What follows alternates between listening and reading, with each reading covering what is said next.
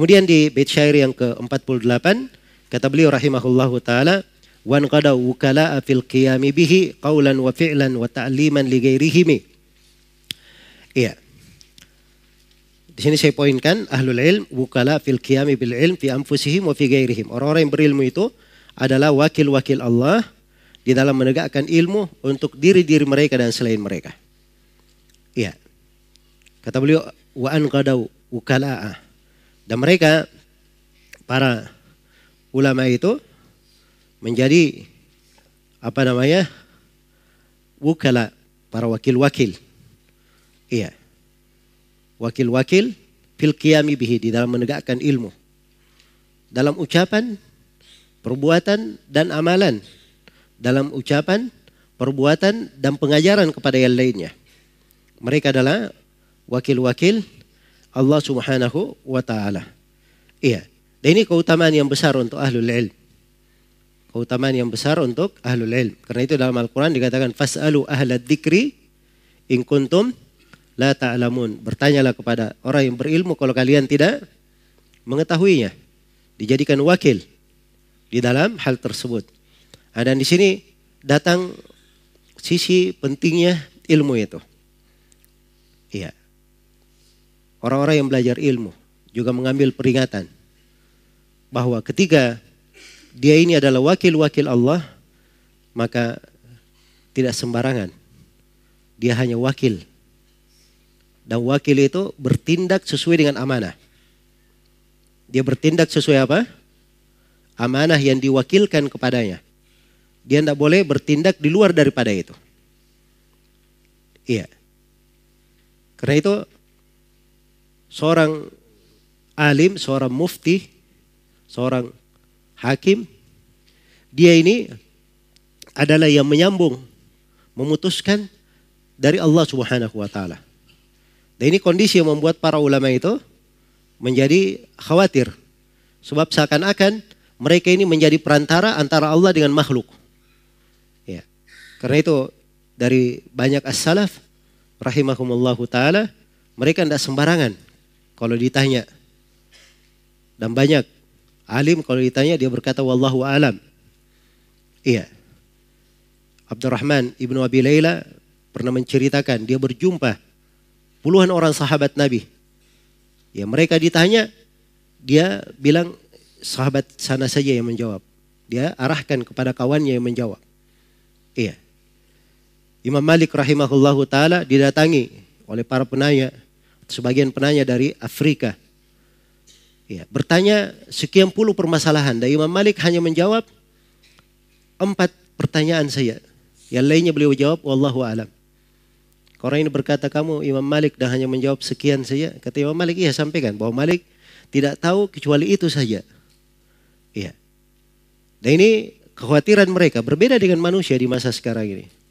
Ya Masya Allah. Ya, jadi ahli fatwa semuanya. Ya, ya kalau ada apa-apa ditanya seakan-akan dia paling jago menjawab. Ya, oh itu gampang jawabannya. Apa ya jawabannya? Cari Google. Ya, buka di Google. Kalau dapat di Google, baru dia apa? dia share kepada yang lainnya. Ya, padahal dia kadang tidak tahu ini jawaban sudah benar atau tidak. Ya, hanya dengar-dengar saya. Kalau jawabannya benar, apakah dia cocok untuk pertanyaan itu atau tidak? Ini juga dari kekeliruannya ya. Karena itu juga ada hal yang mengkhawatirkan dari sebagian buku-buku fatwa. Karena sebagian fatwa ulama kita itu ada yang fatwanya itu khusus untuk kejadian sesuai dengan pertanyaan yang ditanyakan. Iya datang ada orang yang mengambil jawaban pertanyaan, dia bawa ke mana-mana. Dia jadikan sebagai hukum umum, kaidah umum. Padahal alim tersebut mungkin hanya menjawab di situ saja. Di pembahasan sesuai dengan apa? Sesuai dengan pertanyaannya. Akhirnya jatuhlah di dalam banyak kekeliruan. Ya, bahkan kadang berdusta atas nama ulama. Oh si alim ini membolehkan ikut pemilu. Ya dari mana dia dapat? Sebagai fatwa umum. Iya. Padahal si alim tersebut menjawab di kondisi tertentu. Dijawab pertanyaan tertentu, dia hanya menjawab umum dengan syarat-syarat tertentu. Dan kadang syarat-syarat itu dianggap itu sulit diterapkan. Sulit diterapkan.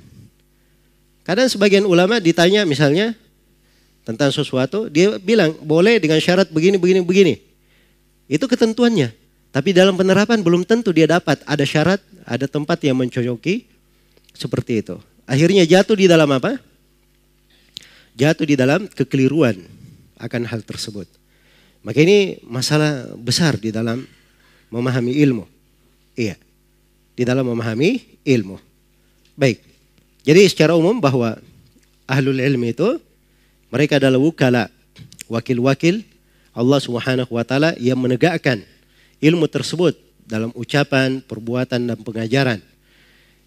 Baik, kemudian di bait syair yang ke-49 kata penulis rahimahullahu taala wa khassahum rabbuna qasran bi khasyatihi wa akli amthalihi fi asdaqil kalimi. Iya.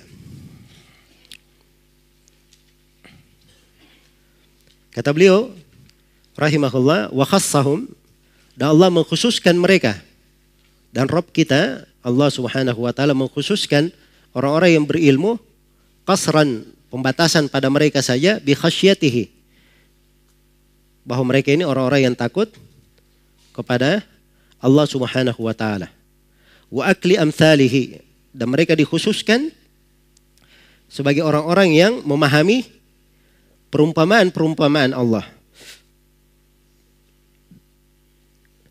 fi asdaqil. Dan itu sebagaimana di dalam ayat-ayat Al-Qur'an yang merupakan pembicaraan yang paling jujur, pembicaraan yang paling benar. Jadi sini ada dua pembahasan. Yang pertama ahlul ilm, ahlu khasyatihi. Orang yang berilmu itu adalah orang yang mereka lah yang paling takut kepada Allah Subhanahu wa taala. Dan ini sebagaimana firman Allah Subhanahu wa taala innama yakhsyallaha min ibadihi al ulama. Sesungguhnya yang takut kepada Allah dari hamba-hambanya hanyalah para ulama. Perhatikan di ayat hanya disebut innama. Innama itu artinya hanyalah. Hanyalah. Iya. Jadi kalau hanyalah itu pembatasan. Mereka yang dikhususkan, yang takut kepada Allah itu dari hamba-hambanya, itu hanya siapa? al-ulama, hanya para ulama. Iya. Jadi kalau dari sini, iya. Sudah nampak jelas bahwa al-khasyah itu dibatasi untuk orang-orang yang berilmu. Sedangkan di dalam Al-Quran diterangkan berbagai keutamaan orang yang khasyah kepada Allah. Orang yang khasyah kepada Allah. Ada beberapa ayat ya menjelaskan bahwa mereka yang takut kepada Allah untuk mereka ajrun kabir pahala yang besar. Di, di ayat yang lain waliman khafa maqama rabbih jannatan dia dapat dua sorga. Di ayat yang lain jannatu adnin tajri min tahtihil anharu khalidina fiha abada radhiyallahu anhum wa radu'an dalika liman khasyiyah radhiyallahu anhum wa khalidina fiha abada radhiyallahu anhu Eh, radhiyallahu anhum wa radu'an dalika liman khasyya rabbah. Jadi khususkan bagi siapa yang takut kepada Rabbnya. Dan di ayat sudah diterangkan yang takut kepada Allah hanyalah siapa? Hanyalah para ulama. Dan ini keutamaan mereka. Demikian pula di dalam memahami perumpamaan-perumpamaan. Ya. Perumpamaan-perumpamaan. Allah membuat permisalan-permisalan dalam Al-Quran. Ya, dan itu jumlahnya di dalam Al-Quran lebih 40 perumpamaan. Lebih 40 perumpamaan di dalam Al-Quran. Nah, ini kata di dalam Al-Quran dikatakan di surah Al-Ankabut ayat 43. Watilkal amthalu nadribuha linnas wa ma ya'kiluha illa al-alimun. Nah, itulah perumpamaan-perumpamaan yang kami buat untuk manusia. Tidak ada yang bisa memahaminya kecuali orang-orang yang berilmu dibatasi. Tidak ada yang bisa memahaminya kecuali orang-orang yang berilmu. Nah, sebagian dari as-salaf kalau dia melalui perumpamaan dalam Al-Quran dia tidak pahami, maka dia menangis.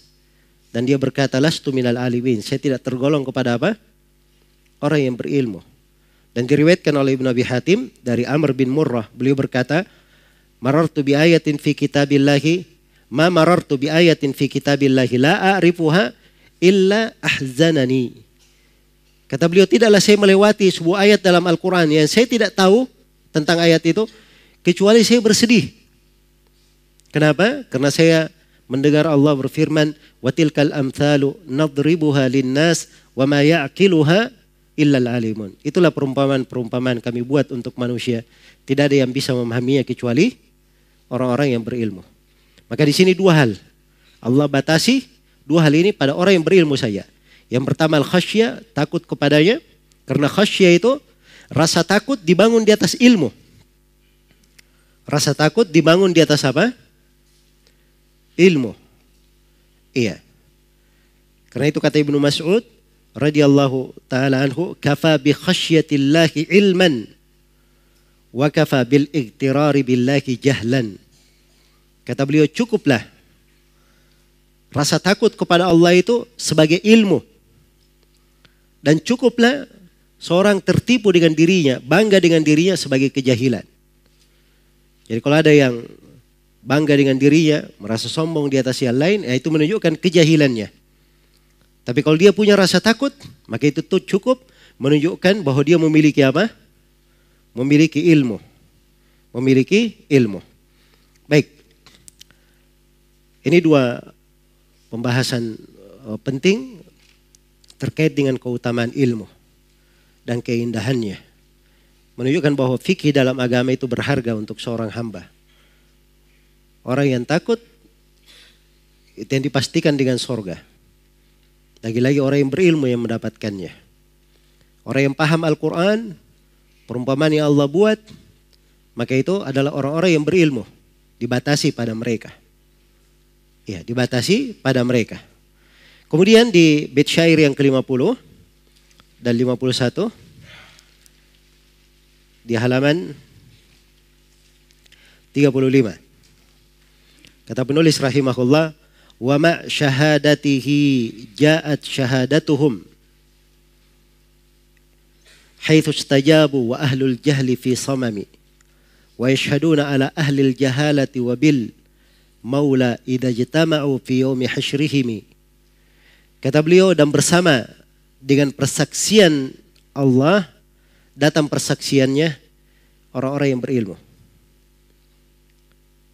Haitsu istajabu di mana mereka menjawab seruan Allah. Wa ahlul jahli fi samami. Adapun orang-orang yang jahil dia selalu berada di dalam ketulian. Ya, terhambat dari ilmu, terhambat dari kebaikan, terhambat dari petunjuk dan keutamaan. Nah. Wa yashhaduna ala ahlil jahala. Dan orang yang berilmu itu juga dari keutamannya mereka mempersaksikan siapa-siapa saja yang jahil itu. Bil maula idza jitama'u fi yaumi hasyrihim. Mereka akan menjadi saksi pada hari kiamat ketika berkumpul di depan Allah Al-Maula. Maka ini ada dua pembahasan. Pembahasan yang pertama, Allah Subhanahu wa taala istashhadallahu bi syahadati ahli ilm. Allah apa namanya menjadikan persaksian ahli ilm sebagai saksi. Sebagai hal yang menguatkan. Dan yang kedua syahadatu ahli ilm ala ahli jahli indallah. Persaksian orang-orang yang berilmu terhadap orang-orang yang jahil di sisi Allah Subhanahu wa taala. Iya, adapun yang pertama pembahasan yang pertama itu dari ayat Allah Subhanahu wa taala berfirman di surah Al Imran ayat 18, "Syahidallahu annahu la ilaha illahu wal malaikatu wa ulul ilmi qa'iman bil qist." Allah mempersaksikan bahwa tidak ada yang berhak diibadahi kecuali Dia. Demikian pula malaikat mempersaksikan dan orang-orang yang berilmu mempersaksikan. Iya. Ibnul Qayyim rahimahullah sebutkan 10 keutamaan orang yang berilmu berdasarkan ayat ini di surah Ali Imran ini. Tapi kita membatasi pada satu poin ini saja yang disebutkan oleh penulis rahimahullahu taala di sini bahwa orang-orang yang berilmu dijadikan sebagai saksi dari seluruh makhluk tidak ada persaksiannya yang dipakai oleh Allah kecuali persaksiannya siapa? Persaksiannya orang-orang yang berilmu. Ya. Sisi keutamaan yang lainnya, persaksian orang yang berilmu digandengkan dengan persaksian Allah. Yang ketiga, sisi keutamaan yang lain, persaksian orang yang berilmu digandengkan dengan persaksian para malaikat. Dengan persaksian para malaikat. Jadi ini uh, tiga keutamaan terkait dengan persaksian ahlul ilm. Kemudian pembahasan yang kedua, orang-orang yang berilmu, mereka ini yang mempersaksikan orang-orang yang jahil. Nanti di sisi Allah Subhanahu wa taala. Iya. Mereka yang mempersaksikan ketika berkumpul di sisi Allah Subhanahu wa taala maka orang-orang yang berilmu lah orang-orang yang berilmu lah yang mereka mempersaksikan karena orang-orang yang berilmu disebutkan sebagai syuhada Wa kadzalika ja'alnakum ummatan wasatan litakunu syuhada'a 'alan nas. Demikianlah kami jadikan kalian umat pertengahan. Maksudnya adalan khiaran, terpilih dan adil. Supaya kalian menjadi saksi-saksi terhadap terhadap manusia. Terhadap manusia. Maka mereka yang dipilih oleh Allah Subhanahu wa taala itu akan menjadi saksi. Baik.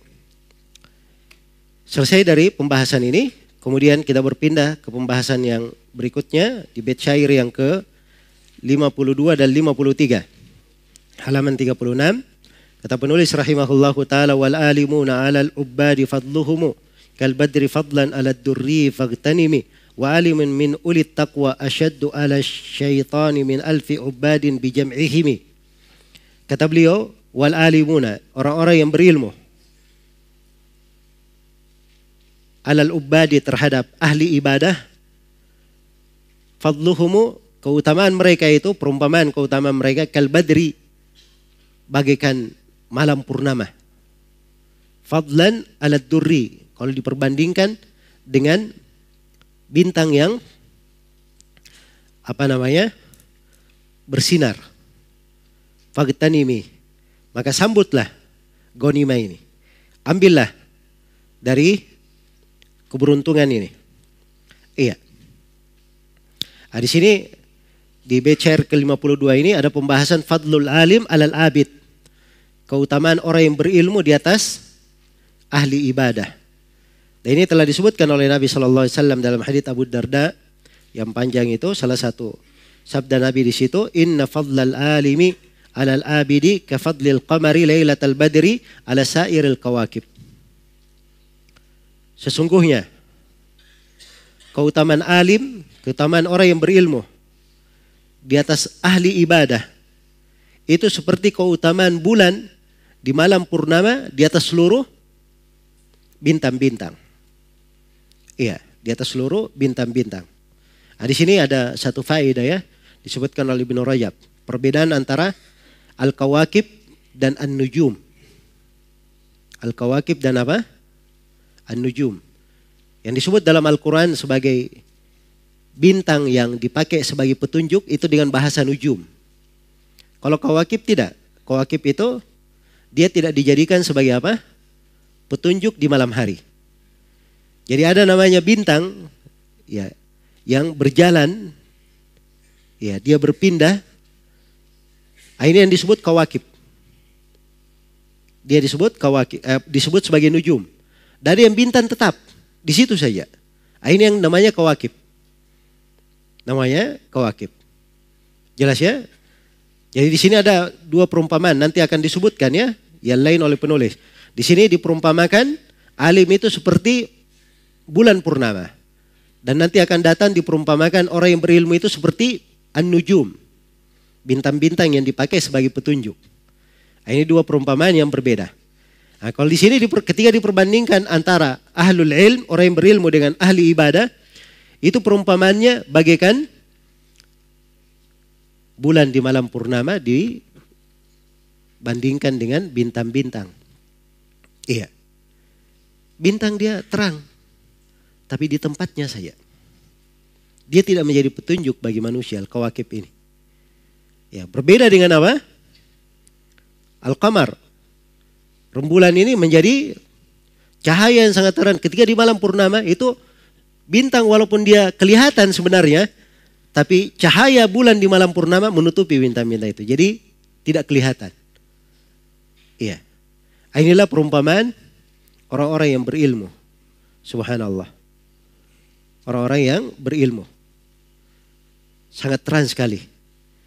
Di tengah manusia. Keberadaan mereka itu nikmat bagi manusia. Nikmat bagi manusia. Karena itu apabila dari alim itu meninggal, maka seakan-akan dunia itu menjadi apa? Menjadi gelap. Iya. Sedikitnya orang-orang yang berilmu, maka itu mengurangi cahaya di tengah manusia. Mengurangi cahaya di tengah manusia. Baik. Jadi dalam perumpamaan ini ketika di diperumpamakan antara uh, bulan dan bintang-bintang, kalau bulan itu sempurna dari cahayanya, ya berpengaruh kepada yang lainnya. Tapi kalau bintang cahayanya itu pada dirinya saja, pada dirinya saja. Seperti itu ahli ibadah, dia ibadah pada dirinya saja, dia beribadah untuk dirinya, kebaikannya. Beda dengan alim, alim ini dia punya ilmu bermanfaat juga bagi orang lain. Kadang satu ilmu bisa menyelamatkan banyak manusia. Bisa menyelamatkan banyak manusia, subhanallah satu ilmu yang dia miliki. Ya seperti di kejadian di dalam sejarah yang dicatat kisah Al-Hasan bin Ali bin Abi Talib bersama Muawiyah radhiyallahu anhuma.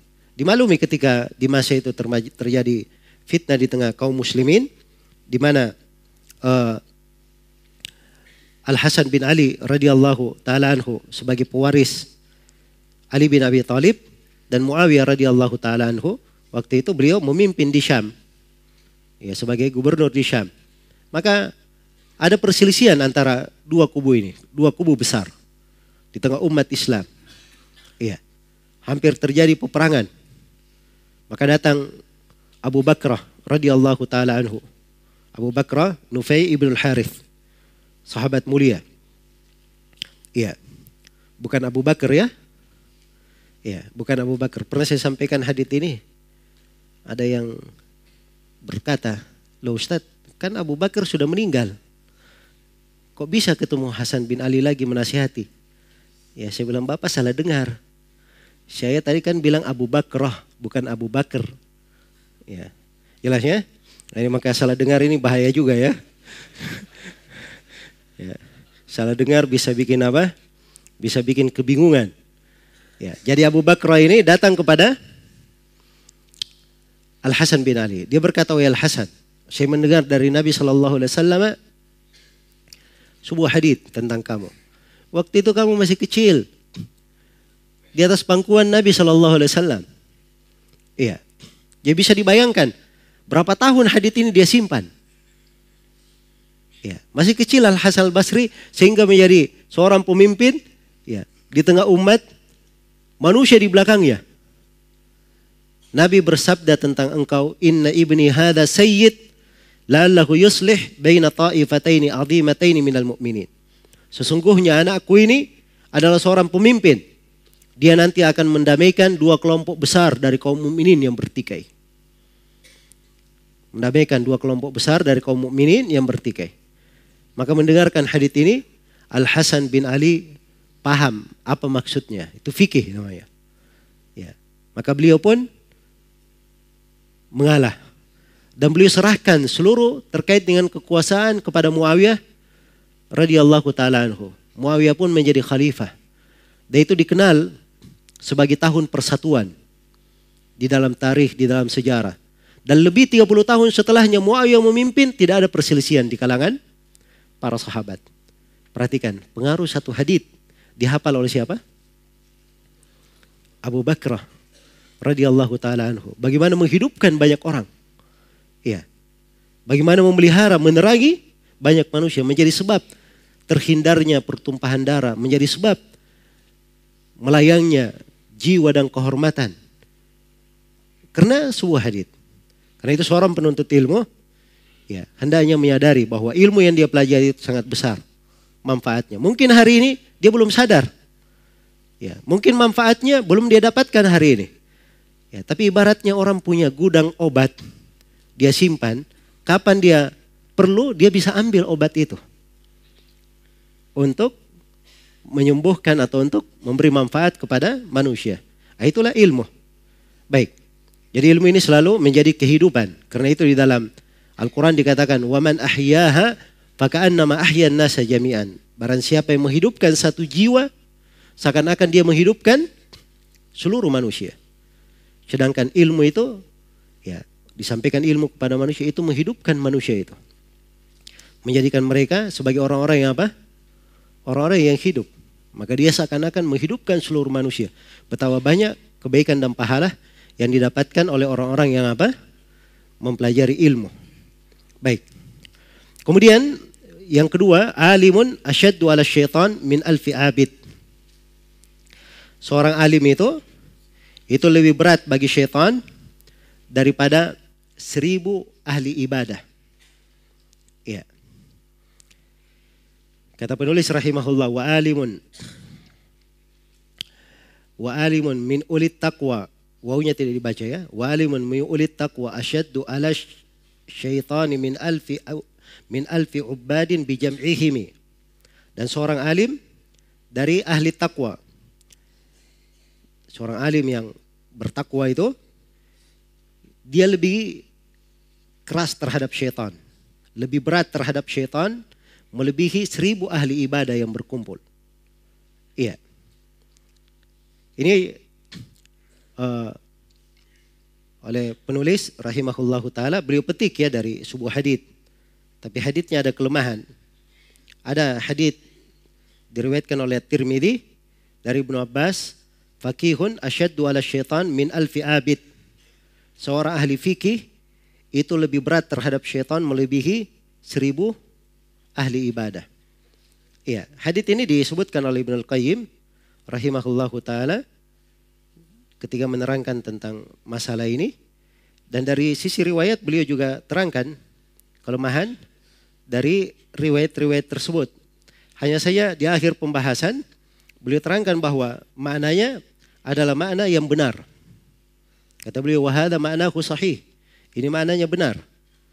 Ya, karena alim itu dia merusak proyek syaitan ya merusak proyek syaitan, menghancurkannya, apa yang tidak bisa dilakukan oleh siapa? Ahli ibadah. Jadi kalau syaitan ingin menghidupkan bid'ah, ingin mematikan sunnah, maka ada alim yang menghalanginya. Beda dengan ahli ibadah. Ahli ibadah itu dimasuki oleh syaitan, bisa menjadi ahli bid'ah dia. Karena dia tidak paham. Iya. Kadang dia sibuk dengan ibadah. Karena dia serius ibadah di sini, dia lupa yang lainnya yang harusnya lebih utama lebih utama. Nah, itu dia tidak mengerti. Tapi ahlul ilm tidak. Ya, karena itu syaitan dia lebih benci kepada siapa? Kepada orang yang berilmu. Suatu hari Ibnu Abbas berkata, mungkin di atas muka bumi ini tidak ada orang yang lebih disenangi syaitan supaya meninggal melebihi saya.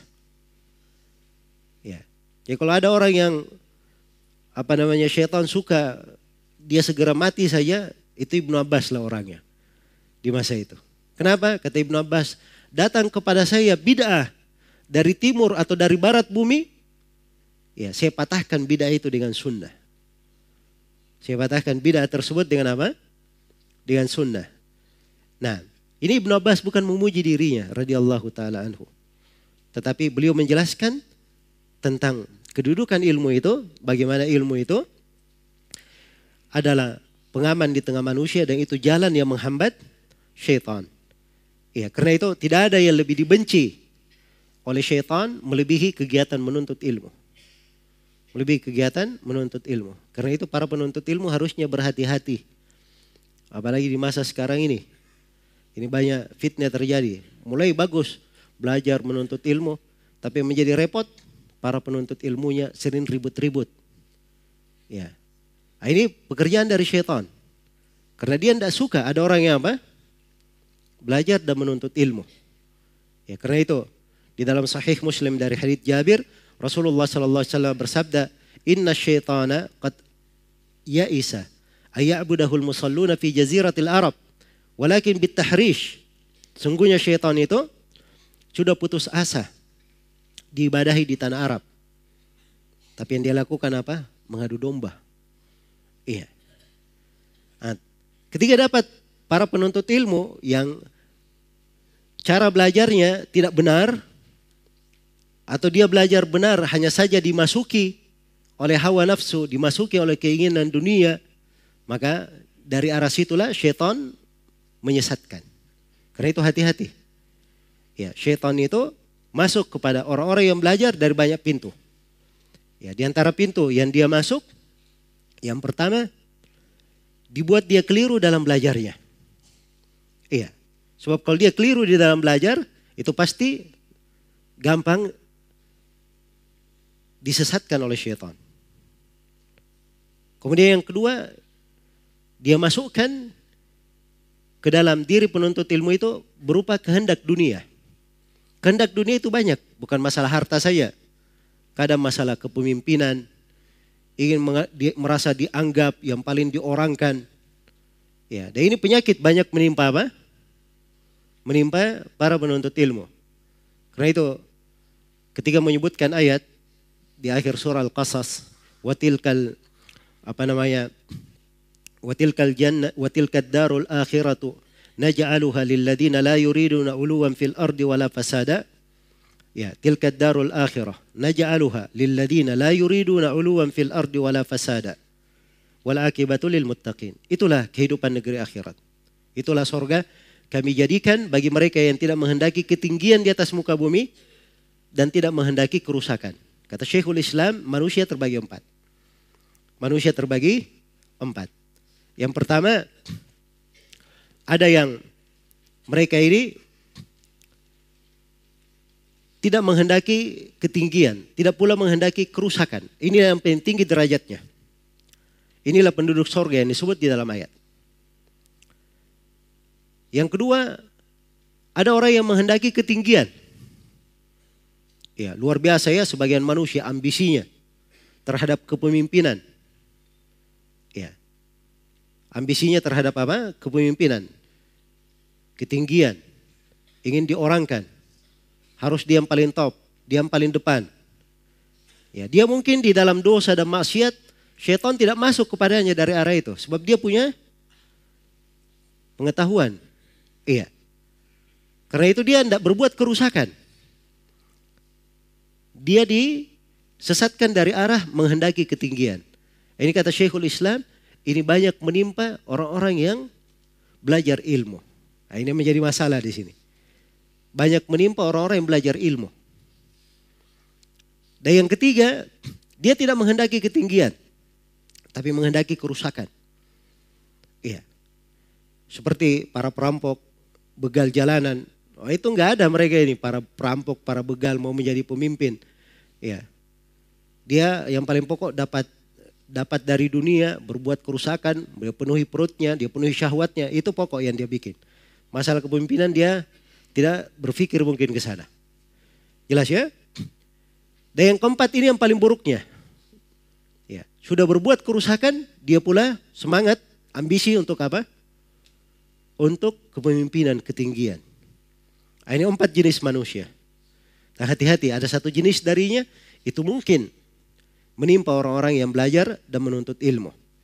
Baik, karena itu syaitan ini memiliki bahaya yang sangat besar. Iya. Maka seorang alim itu, seorang yang alim, kalau diperbandingkan antara alim dan ahli ibadah, alim itu itu lebih besar, lebih berat daripada banyak ahli ibadah. Kalau disebut seribu, mungkin. Dan mungkin lebih berat seorang alim dari beribu-ribu manusia. Ahli ibadah. Baik.